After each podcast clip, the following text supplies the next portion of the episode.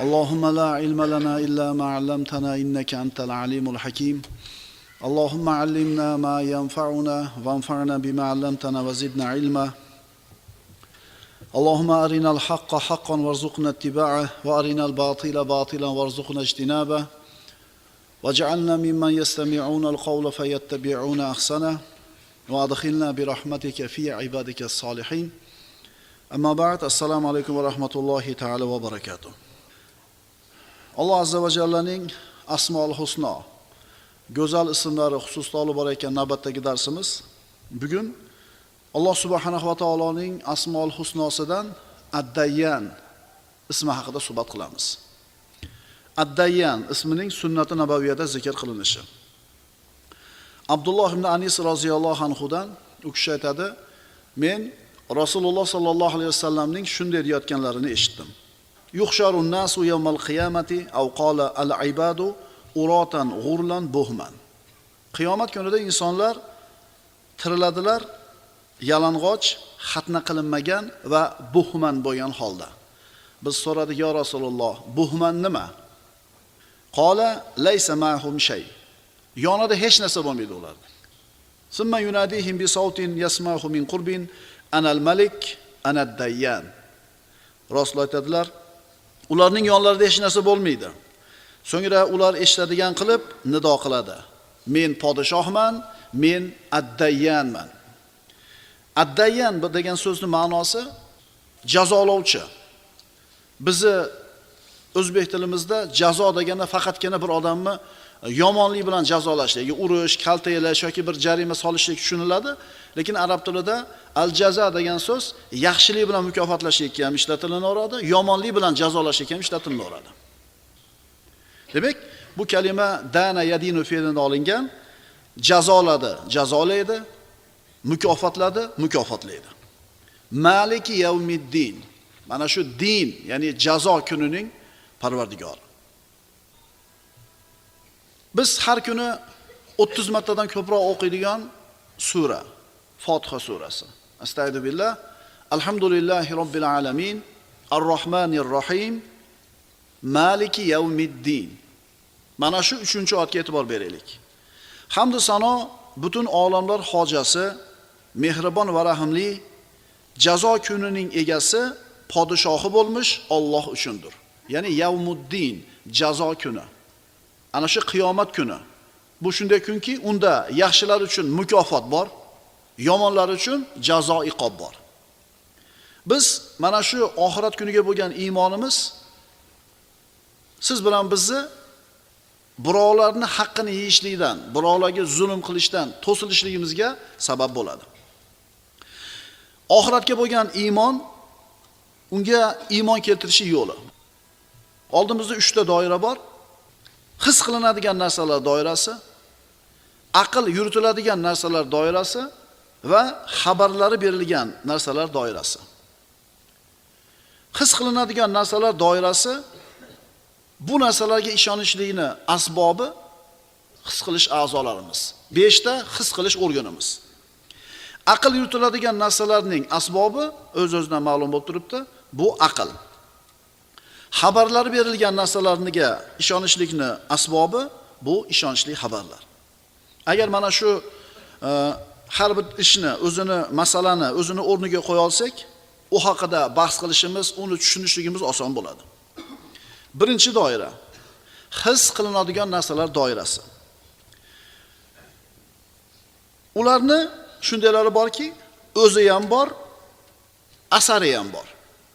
Ikkinchisi bor yo o'zi bo'ladi shu narsani yo izi asari bo'ladi. Uchinchisi asari zohir bo'ladigan narsalar. Mana endi e, his qiladigan narsalarimiz. Yorug'lik bor uni ko'z ko'radi. Ovoz bor uni qulog'i eshitadi. Hid bor uni burun his qiladi. Issiq sovuq qattiq yumshoq degan narsa bor uni jasadimiz his qiladi. Endi ta'm bor uni mana shu og'zimiz biladi. Bu bu o'zi ham asari ham zohir bo'lgan narsalar. Bularda beshta his qilish a'zoyimiz ishlaydi. Bu maydonda biz hayvonlar bilan sherikmiz chunki ularda mana shu beshta his qilish a'zosi bor aql ishlamaydi bu yerda faqat mana shu his qilamiz Shuning uchun katta chuqurni ko'rganda odam ham to'xtaydi, hayvon ham to'xtaydi. Chunki ko'zi bilan ko'rib turibdi. Olovni yonib turganligini ko'rib turib odam ham qochadi undan, hayvon ham qochadi. Bu o'rinda mana shu birinchi doirada inson ham, hayvon ham mushtarak. Endi ikkinchi doiramiz aql yuritiladigan narsalarning doirasi. Endi bu doirada biz mana shu hayvonlardan ajralib turamiz. Chunki bu doira o'zi bo'lmasa ham, lekin belgisi, asari bo'lib turgan narsalar doirasi. Tartibli bo'lgan ishni ko'rib turib, shu ishni qilgan odamni tartibli ekanligini bilamiz. Mana shu ishni chiroyli suratda bajargan usta yo'q, lekin qilgan ishiga qarab turib egasiga baho bera olamiz. Ishdagi puxtalikni ko'rib, ustani puxtaligini bilamiz. Xuddi shunga o'xshagandek, mahluqotlarni ajib suratda yaratilganligini ko'rib turib, bu koinotni insonda aqlini lol qoladigan darajada chiroyli qilib yaratib qo'yganini ko'rib, uni yaratuvchisi bo'lgan Robbimizni taniymiz. Ikkinchi doira birodarlar o'zi ko'rinmaydigan, ammo asari, alomatlari bor bo'lgan narsalar haqida. Alloh taolo aytadi: "La tudrikuhul absor va huwa yudrikul absor." Ko'zlar uni idrok qila olmaydi. Ko'zlar uni ko'rmaydi, lekin Alloh ko'zlarni idrok qiladi, ko'radi. Koinot turibdimi? Demak, buni yaratuvchisi bor. O'sha oddiy bir omi, oddiy dehqonni iymoni qarang. Yerda ezilgan iz turibdimi tuproq, demak uni ezgan sigir yoki ot bor. Yerda tezak turibdimi? Demak uni tashagan sigir yoki ot bor. Ana. Ot yoki sigir yo'q hozir, ammo asaridan uni borligi bilib olinyapti. Birodarlar, topish bilan idrok qilishning farqi bor o'rtasida. Topish bilan idrok qilishning farqi bor. Masalan, insonning ruhi insonda aql uni borligini topdi. Demak, ruh bor. Lekin nima ekanligini idrok qila olmaydi. Ruh qanaqa? Ruh bormi o'zi, bilasizlarmi? Bor. Qanaqa u? Qarang, aqlimiz borligini biladi, ammo qanday ekanligini idrok qila olmaydi. Xuddi shunga o'xshagandek, lillahil masalul a'la koinotni ko'rib turib, uni yaratuvchisi borligini topdik. O'z-o'zidan bo'lib qolishi mumkin emas bu narsalar. Endi shu zotni aqlimiz topdi borligini, endi qanday ekanligini idrok qilolmasligi mumkin ekanmi? Ruhni nimaligini idrok qilolmaganingizdan keyin qanday qilib uni yaratuvchisi bo'lgan Allohni qanaqaligini idrok qila olasiz? Buni yana soddaroq misoli dengiz o 50-60 kilometr nariroqda bo'lsa, mingan mashinangiz sizni dengizni oldiga olib boradi. Ammo u mashina bilan dengizga endi kira olmaysiz. Yana ham sodda bo'ldimi? Demak, aqllarimiz Alloh azza va jallani borligini bilishga bizni olib boradi. Agar fikr qilsak, ta'ammul qilsak. Inson aqlini ishlatib iymonga kelishi mumkin. Chunki koinot haqida fikr qildi, Allohni topdi. Inson aqlini ishlatib Qur'on Allohning kalomi ekanligini topishligi mumkin. Chunki undagi aytilgan mo'jizalar, kelajakda bo'ladigan ishlar haqida xabar bor, o'tmish haqida xabar bor, ximiyaga, fizika, biologiyaga taalluqli bo'lgan shunday bir oyatlar borki, 1.5 ming yil o'tgandan keyin insoniyat buni kashf qildi. Inson aqlini ishlatib turib, Muhammad Mustafa sollallohu alayhi vasallam Allohning rasuli ekanligini topishligi mumkin. Chunki o'ylab ko'ring, aqlingizni ishlatib ko'ring. 1400 yil avval sahroda yashagan, savodsiz bo'lgan, o'qishni, yozishni bilmaydigan bir odamni hatto 21-asrda odamlarini ham aqlini lol qoldiradigan darajada bo'lgan bir kitobni olib kelishligi o'z-o'zidan bo'lishi mumkinmi? Demak, aqlimizni ishlatsak, Allohning borligini ham, Qur'on Allohning kalomi ekanligini ham, Muhammad alayhisalom Allohning rasuli ekanligini topishligimiz mumkin bo'ladi. Va mana shu joyda aqlning ishi to'xtaydi. Endi uni yog'idagi ishlar g'ayb ishlari. Agar aqlimizni g'aybiy ishlarga ishlatadigan bo'lsak, albatta adashamiz. Demak, birinchi doirada his qilinadigan narsalar doirasi bo'ldi. Uni beshta his qilish a'zosi bilan bilamiz. Ikkinchi doira aql yuritiladigan narsalar haqidagi doira. Bularda aqlni ishlatib turib, ularni tushunamiz. Endi uchinchi doira birodarlar, bu xabarlari berilgan g'ayb ishlari. aqlingiz olmaydigan joyini aytaymi qabrga olib kirib qo'ygansiz mayitni ko'mildi sodiq xabarlarda aytilindi munkar nakir kiradi? Qayerga kiradi u jinday joy bo'lsa? Aql olmayaptimi? Olmayapti. O'tkazib qo'yadi deyapti. Voy qanaqa qilib o'tkazib qo'yadi uni? U bir metr emasda o'tiradigan joy. Keyin savol beradi. Gurzusi bilan bir uradi. Aqlga sig'adimi? Aqlga sig'maydi. Aqlni ishi to'xtadi tevada. Dengizni oldiga keldi aql bo'ldi u kira olmaydi endi qarab turing misolda aqlni cheklangan ekanligini biz tan olishimiz kerak. Aqlimizni cheki chegarasi bor. Masalan tarozi. Tarozini misolida tushuntiramiz. Yuzlagan tonnalik yukni tortadigan tarozi ham tarozi bir milligramni tortadigan tarozi ham tarozi. Agar mana shu bir milligramdan 500 grammgacha bo'lgan yukni tortadigan taroziga o'sha 500 grammgacha bo'lgan yukni qo'ysangiz tarozi o'zini ishini chiroyli uddalaydi. Ma'qulmisizlar endi shu 500 grammgacha torta oladigan taroziga 500 kilo yukni qo'yib qo'ysangiz nima bo'ladi? Buzilishi aniq. Endi maydalanib pachaqlanib ketishi ham ehtimoldan xoli emas. Xuddi shunga o'xshagandek siz bilan bizni aqlimizni cheki chegarasi bor. Mana shu dunyo ishlari haqida fikr qilar ekanmiz u o'zini ishini chiroyli bajaradi.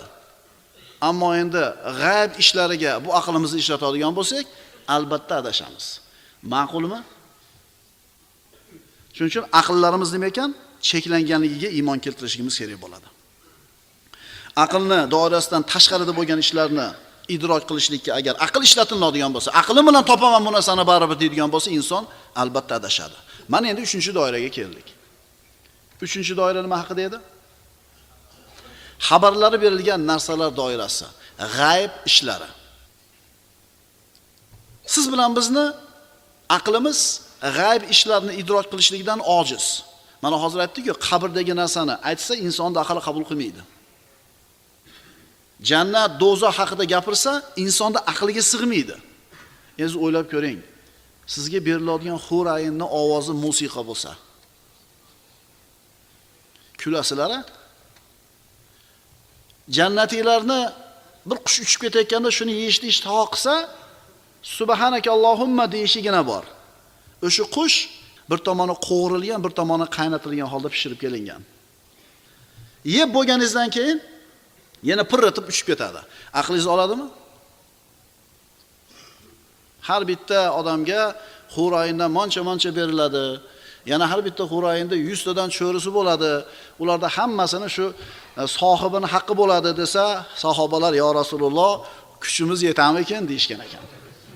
Ha har bitta erkakda u kunda 100 ta erkakda quvvati bo'ladi dedilar rasululloh.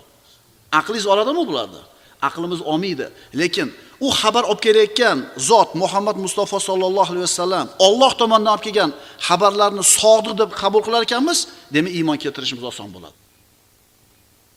Uchta doira his qilinadigan narsalar doirasi ularga ishonishning asbobi beshta his qilish a'zosi. Aql yuritiladigan narsalar doirasi buni idrok qilishlikni asbobi aql. Endi xabarlari berilgan narsalar doirasi g'ayb ishlari ularga ishonishning asbobi ishonchli xabarlar. Demak dinimizni anglashligimiz uchun har bitta narsani o'zini o'rniga qo'yishligimiz kerak bo'ladi. Shunda uni tushunishimiz oson bo'ladi muomala qilishimiz yengil bo'ladi. Demak qiyomat kuniga iymon keltirishlik nechinchi doira ekan? Uchinchi doira ekan. Shuning uchun birodarlar iymoniyatdan uzoq bo'lgan inson bilan mana shu qur'on hadis xabarlarini aytib bahslashaman demang. Chunki u birinchi va ikkinchi doiradagina bahs qila oladi ish yurita oladi chunki uchinchisiga iymon keltirmaydi u. E, kim ko'rib kelibdi jannatini deydi. A u ko'zi ko'rgan narsaga qo'li ushlagan narsagagina ishonadi ammo mo'min odam mo'min odam mana shu g'ayb xabarlariga iymon keltiradi. G'ayb haqida kelgan xabarlar. Jannat do'zax qiyomat kuni sirot tarozi unda beriladigan mukofot yoki jazo. Bular uchinchi doiraga kirdi. Yig'ib olaylik endi shuncha gapirganimizni. Uchta doira. Birinchisi his qilinadigan narsalar doirasi asbobi his qilish a'zolari Ikkinchisi, aql yuritiladigan narsalar doirasi. Uni asbobi aql. Uchinchisi, xabarlar kelgan narsalar doirasi. Alloh azza va jalla Qur'onda juda ko'p o'rinda Allohga bo'lgan iymonni ortidan oxirat kuniga bo'lgan iymonni zikr qiladi. Astagfirullah. Yu'minuna billahi val yawmil akhir. Yu'minuna billahi val yawmil akhir. Ya'ni ular Allohga iymon keltiradi va oxiratga iymon keltiradi. Endi diqqat qilib turinglar. Mo'minman deydi, itoat qilmaydi. Iymon keltiraman deydi, bandalarga aziyat beradi. Bu qanaqa odam? Iymon hukmlaridan mana shu ikkitasi Qur'onda juda ko'p o'rinda bir-biriga bog'lanib keldi. Mana hozir savol berdimi? Iymonim bor deydi, itoatda emas. Iymonim bor deydi, maxluqotlarga aziyat beradi. Bu qanaqa odam? Qoida. Allohga bo'lgan iymon bandani itoat qilishga undaydi. Oxiratga bo'lgan iymon esa bandani mahluqotlarga aziyat yetkazmaslikka undaydi. Bandalarga aziyat yetkazmayapsizmi? Demak, qiyomatga ishonasiz, chunki jazo borda. Endi Allohga itoatdamisiz? Demak, Allohga bo'lgan iymoningiz to'g'ri. Yana qaytarib o'qib beraman. Allohga bo'lgan iymon bandani itoat qilishga undaydi. Oxirat kuniga bo'lgan iymon esa bandani maxluqotlarga aziyat yetkazmaslikka undaydi. O'zimizdan so'raylik. Itoatdamizmi? Alloh bizga farz qilgan ishlarni bajaryapmizmi? Harom ishdan tiyilyapmizmi? Demak, Allohga bo'lgan iymonimiz to'g'ri. maxluqotlarga aziyat yetkazmayapmizmi? Demak, oxiratga bo'lgan iymonimiz to'g'ri. Savolimizga qaytamiz. Iymonim bor deb turib itoat qilmayotgan bo'lsa, iymonim bor deb turib odamlarga, maxluqotlarga aziyat yetkazayotgan bo'lsa, bu odamning iymoni komil iymon emas. Chunki iblis nima degan edi? astag'dubillah fabi izzatika seni azizliging, ulug'ligingga qasam degan edi. Demak, iblis Alloh taoloni aziz ekanligiga, Rob ekanligiga, yaratuvchi ekanligiga iymon keltirdi. Ammo itoat qilmadi. Shuning uchun uning iymonini foydasi bo'lmadi unga. Ma'qulmi? Iymoni foyda qilmadi. Chunki agar to'g'ri iymon bo'lsa, u itoat qilishni kerak edi. Oxiratga bo'lgan iymon nechinchi doirada dedik? 3 doirada. Ikkinchi doiraga ham kirishi mumkinmi? Aql bilan topiladigan narsalar doirasiga kirishi mumkinmi oxiratga bo'lgan iymon? Ikkinchi doiraga ham kirishi mumkinmi? Ayrim ulamolar ha, ikkinchi doiraga ham kiradi deydi. Chunki bu borliqni yaratgan zot komil, odil, mehribon bo'lgan zot. Odamlarda ayrimlarini quvvatli, ayrimlarini zaif qilib yaratdi. Ba'zilarini boy qildi, ba'zilarini kambag'al qildi. Bu boy, kambag'al, kuchli, zaif bo'lish insonning ixtiyoridan tashqaridagi ish. Ma'qulmi?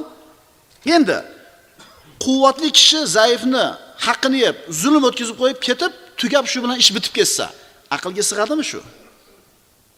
Yo bir mansabdor, quvvati bor odam, zaif, bechora, kambag'alni haqqini yeb, zulm qilib, shu bilan ish bitib ketaversa, aql qabul qiladimi shuni? Shu yerda aql buni davomi bo'lishi kerak. Bu tomoshani ikkinchi seriyasi ham bo'lishi kerak degan narsani taqozo qiladimi? Demak, kambag'alning holatidan boydan foydalanib ketaverishi, zolim quvvatli kishi zaifga zulm qilib jazosini olmasdan ketaverishligini aql qabul qilmaydi. Aql bu ishlarni albatta hisobi bo'lish kerak deydi. Demak, oxiratga bo'lgan iymon biz aytayotgan 3 ta ikkinchisiga ham kirar ekan. Senga ham Alloh bor deb qo'yasiz-ku. Shuning uchun Alloh taolo Qur'onda astagfirullah va in minkum illa variduha deb marhamat qildi. Maryam surasida sizlardan har biringiz undan jahannamdan o'tguvchidirsiz. Vurud kalimasi o'tish u dozoqqa kirish degani emas. Mufassirlar shunday deyishadi Chunki dozoqqa kirish jazo uchun bo'ladi. Hammanglar dozoqdan o'tasizlar degani, dozoqni ustidan o'tasizlar degani. Ko'rasizlar degani. Agar kirganida hamma jazolanishlikka to'g'ri kelib qolar edi. Demak, ulamolar vurud kalimasini dozoqni ko'rsatish deb tafsir qilishgan. Insonga dozoqni ko'rsatish Alloh taoloning adolatini yuzaga chiqarish uchun bo'ladi. Alloh azza va jallaning go'zal ismlaridan Al-Adil, adolat, odillik. Mana shu ismi to'laligicha komil suratda qiyomat kunida yuzaga chiqadi. Ha, dunyoda ham Alloh taolaning adolati ko'zga ko'rinadi. Lekin qisman komil adolat qiyomat kunida bo'ladi. Alloh taolo shu dunyoda ayrim muhsin bandalarni yaxshi ishiga mukofot beradi adolat bilan. Boshqalarni shijoatlantirishlik uchun. Ayrim fosiq, fojir kishilarni qilgan ishiga yarasha jazoni beradi. Qisman zolimlarni yoki gunohkor fojirlarni mana shu ishdan to'xtatishlik uchun. Ammo Alloh taoloning odil sifati faqat qiyomat kunida to'laligicha yuzaga chiqadi. Astagfirullah va innama tuwaffavna ujurakum yawmal qiyama. Va qiyomat kunida hech shak shubhasiz ajr savoblaringizni komil suratda olursiz. Ya'ni ba'zida birov yomon ish qiladi, xalqqa, haloyiqqa zulm qiladi, hech narsa bo'lmayotganga o'xshaydi. Shunda boyagi aql taqozo qiladida nimaga olmayapti jazosini? Demak, qiyomatga qolibdi yoki bir odam muhsin bo'ladi, yaxshi inson bo'ladi, yaxshilik qiladi, hech kim bilmaydi yaxshiligini, hech kim taqdirlamaydi. Endi qiyomat qoyim bo'lganda ikkalasini ham hisobi nima bo'ladi? Komil bo'ladi. Biz Alloh taoloning addayyan jazolovchi yoki mukofotlovchi ismi haqida bahs qilyapmiz. Mana endi qiyomat kuniga keldik. Alloh taolo aytadi, astagfirullah Afahasibtum annama xalaqnakum abathan va annakum ilayna la turja'un?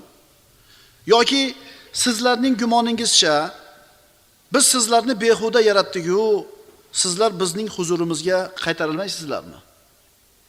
Nima? Shunday kelib, shunday ketaveraman deb o'ylovdinglarmi? Alloh taolo odil bo'lgan zot. Alloh taolo addayyan, jazolovchi, mukofotlovchi bo'lgan zot. Bu dunyo sinov dunyosi. Sinov hovlisi. Nima qilsak, shunga yarasha nima qilamiz? Mukofot yoki jazo olamiz. Endi har bitta ishi komil bo'lgan zot insonni bekardan bekarga yaratib qo'ygan bo'lishligi bu aqlga sig'maydi. Alloh taolo Qur'onda marhamat qiladi. Astagfirullah. Qul اللهم malikal mulki tu'til الملك من تشاء va tanzi'ul ممن تشاء وتعز va tu'izzu man من va بيدك man biyadikal. Bir insonga mulk, saltanat, davlatni berilishligi albatta u uchun yaxshi. Endi undan tortib olib qo'yilishligi ham yaxshi. Ayting, ey mulki davlat egasi bo'lgan Allohim, sen istagan kishingga mulk ato qilursan va istagan kishingdan bu mulkni tortib olursan. Istagan kishingni aziz qilursan va istagan kishingni xor qilursan. Bor yaxshilik yolg'iz sening qo'lingdadir. Mulku saltanat bir odamga berildi. Albatta bu yaxshilik. Endi ba'zida olib qo'yganligi ham yaxshilik bo'ladi. Bir sulton, bir podshohki xalqqa zulm qilishni o'ziga kasb qilib oldi. Xalqqa jabr zulm qiladi. Shunda undan mulkni olib qo'yishligi yaxshilik bo'ladi. Kimga? Avvalambor o'ziga. Keyin xalq haloyiqqa.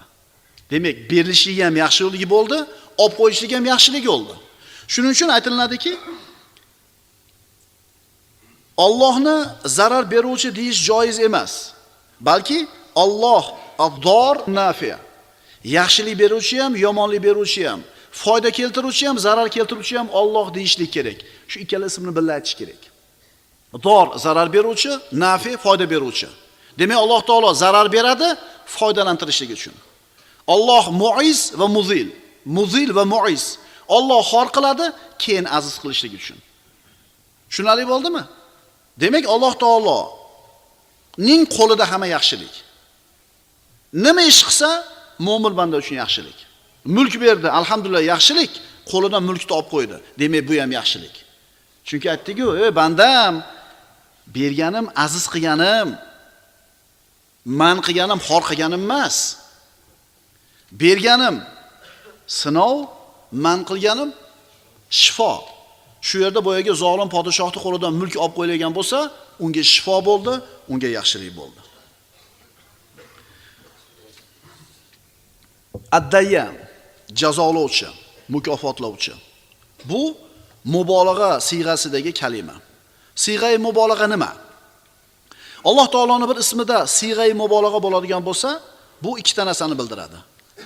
Sanoqdagi mubolag'a va navdagi mubolag'a. Ya'ni addayyan jazolovchi, mukofotlovchi har qancha ko'p bo'lsa ham, har qancha katta bo'lsa ham hisob kitob qiladi.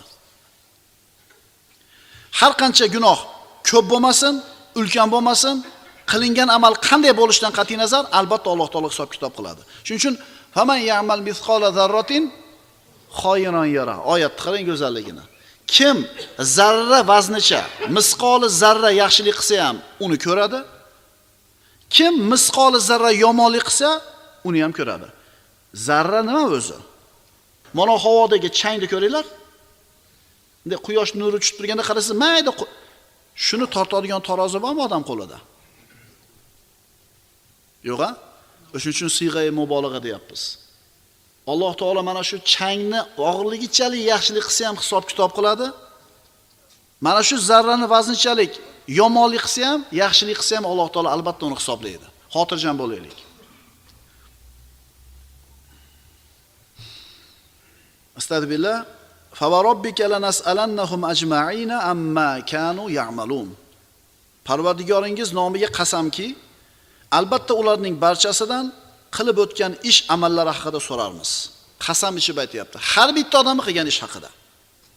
Alloh taolo mana payg'ambarimizning hadisida keltirdik, aytdi: "Anal malik, anad dayyan." Men podshohman. Men dayyonman. Ya'ni jazolovchi, mukofotlovchi. Payg'ambarimiz sollallohu alayhi vasallam aytadilar: "Val birru la yubla." Yaxshilik eskirmaydi. Va zambu la yunsa. Gunoh eskirmaydi. Va dayyan la yamut. Dayyon zot hargiz o'lmaydi. I'mal kama shi'ta. Xohlaganingda amal qil. Kama tadin tudan. Nima qilsang, shuni ko'rasan. Nima qilsang, shuni ko'rasan. Aqlli odam faqatgina mana shu kunini g'ami bilan yashamaydi. Oqil kishi ertangi kunni, qiyomat kunning g'ami bilan yashaydi. Kim faqat shu kunni g'ami bilan, shu kunni tirikchiligi bilan, rizqi bilangina madband bo'lib qolgan bo'lsa, oqil bo'lmaydi. Oqil odam ertaga yoki indinga keladigan qiyomat kunini hisobi bilan, g'ami bilan yashaydi. Chunki Alloh taolo aytayapti, Parvardigoringiz nomiga qasamki, ularning barchasidan qilib o'tgan ishlari haqida savol so'raladi. Mana voqea hodisa sodir bo'lsa, uyda, jo'ralarni ichida, mahalla ko'yda, umuman jamiyatda biz o'sha narsaga hammamiz o'zimizni fikrimizni bildirishni boshlaymiz bir chekkadan. Noto'g'ri qildim ovi. O'zi mana qilish kerak edi. Bu o'zini ilmi, dunyo qarashidan kelib chiqib hukm chiqaradi. Bu o'zicha qozi. Bu yo'q unaqa emas, mana bo'lish kerak edi. Bu ham o'zichasiga qozi. Musulmon odam nima deyish kerak edi? Shariatda nima deyilgan shu yerda? Mana shu ish haqida shariatda nima deyilgan deyish kerakmidi? Yo o'zi hakam o'zi qozi bo'lish kerakmidi? Robbizga qasam, yo'q, bular hargiz iymoni komil bo'lmaydi toki o'rtalarida chiqqan ishni hal qilishda sizni hakam qilmasa, ya'ni shariatni hakam qilmasa. Shuni ehtiyot bo'laylik. o'shaning uchun oilalar buzilib o'lyapti-da. O'shuning uchun muammolar tugamayapti-da. O'rtamizda bo'layotgan bir muomalalardagi muammolar. Chunki hamma o'zini nuqtai nazari bor, chiroyli qilib aytganda. O'zini pozitsiyasi bor, o'zini nimasi bor? P ketadi. Prinsipi bor. Fikr emas u, fikr bo'ladi u. Prinsipi bor. Meni prinsipimga to'g'ri kelmadi buni qilgan ishi. Seni prinsipini devorga uramiz. Mo'min odam aytadi, seni prinsiping chekada turadi, shariatda gapi turganda. Shariatda hukmi turganda ham prinsipda turgan bo'lsangiz, musulmon odamning prinsipi islom bo'ladi. Endi mana qozilikka keldik a. Rasululloh sollallohu alayhi vasallam aytadilar, Imom Ahmaddan bu hadis, Oysha onamiz roziyallohu rivoyat qiladilar. Rasululloh aytdilar deydi Oysha onamiz, la yatiyanna alal qodil adl yawmal qiyamati sa'a yatamanna annahu lam yaqdi bayna ithnayni fi tamratin qat. Rasululloh aytadilar, qiyomat kunida bir adolatli qozini ustida shunday bir soat keladiki, unda u ikki kishi o'rtasida bitta xurmo donasini ishida ham hech ham qozilik qilmagan bo'lishni orzu qiladi. U qaysi qozi? Qanaqa qozi? Odil qozi. Adolat bilan hukm yuritgan. Adolat bilan hukm yuritgan qozi qiyomatda e bekar qozi bo'lgan ekanman deb yuboradi Nimani ishida? Birdan uni xurmodi ishida.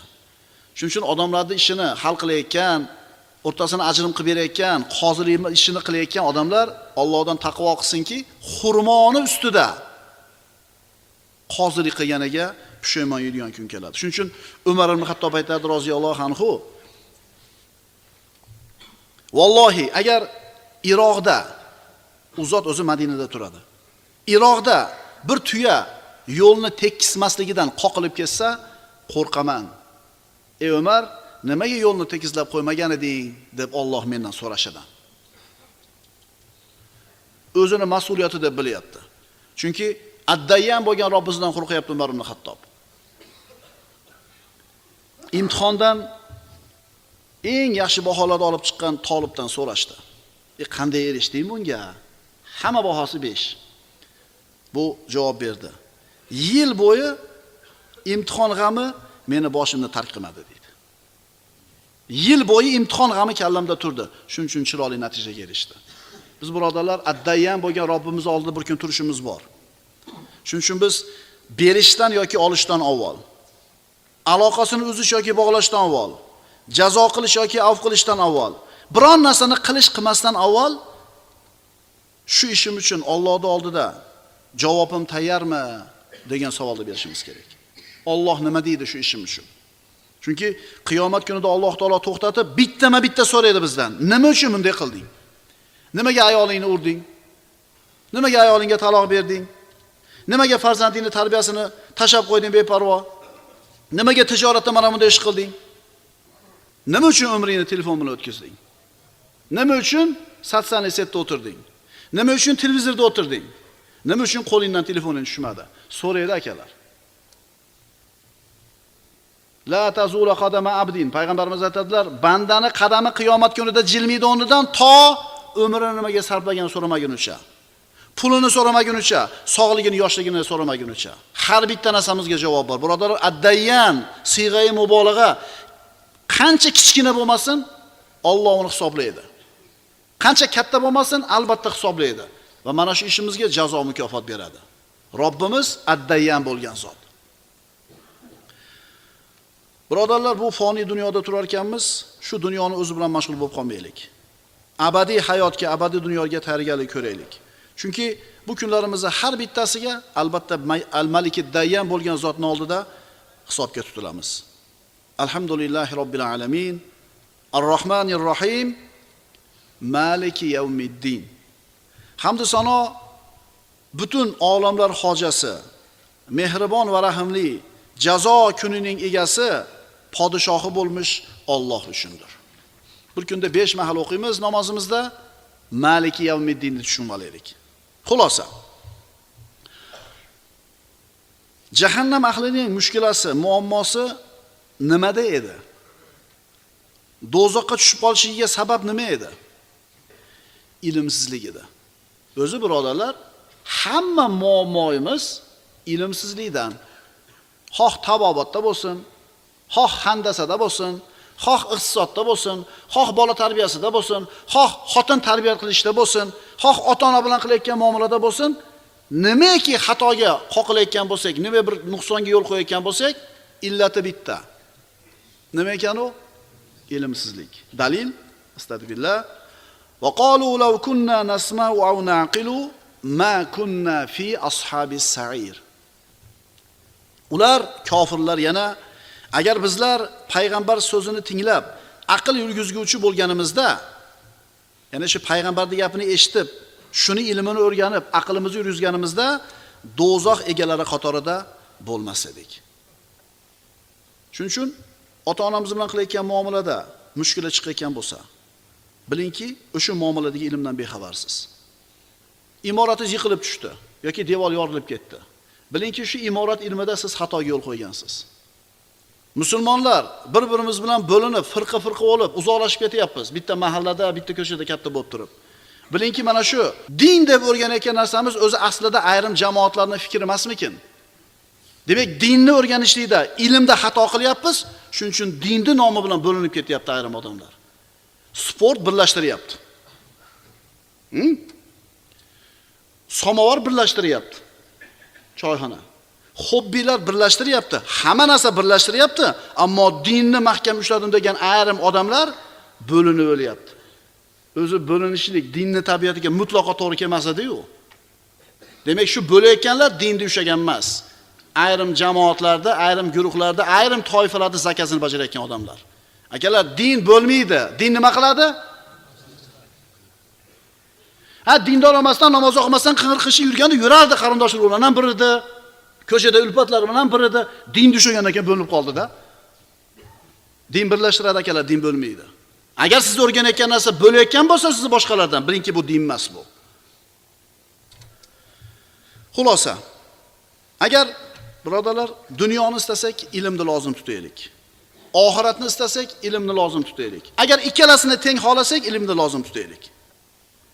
Agar biz ilmga ozgina qismimizni bersak, ilm bizga hech narsasini bermaydi. Agar borlig'imizni ilmga bersak, ilm bizga o'zini ozginasini beradi. Kishi tolibi ilmman deb yurar ekan, u to'g'ri yo'lda bo'ladi. Ammo men ilmli bo'ldim dedimi, to'xtadi. Johillar qatorida bo'ladi. Tolibi ilm dunyosidan oxiratini ustun qo'yadi. Tolibi ilm dunyodan oxiratni ustun qo'yadida natijada ikkalasida ham yutadi. Endi johil kishi esa ilmdan uzoq bo'lgan odam dunyosini oxiratidan ustun qo'yadi, natijada ikkalasida ham mag'lubiyatga uchraydi. Alloh azza va jalla Al-Maliki Dayyan bo'lgan Robbimiz subhanahu va taoloni oldida turishlikdan qo'rqib, shu kunga tarbiyalik ko'radigan solih bandalardan qilishligini so'raymiz. أقول قولي هذا وأستغفر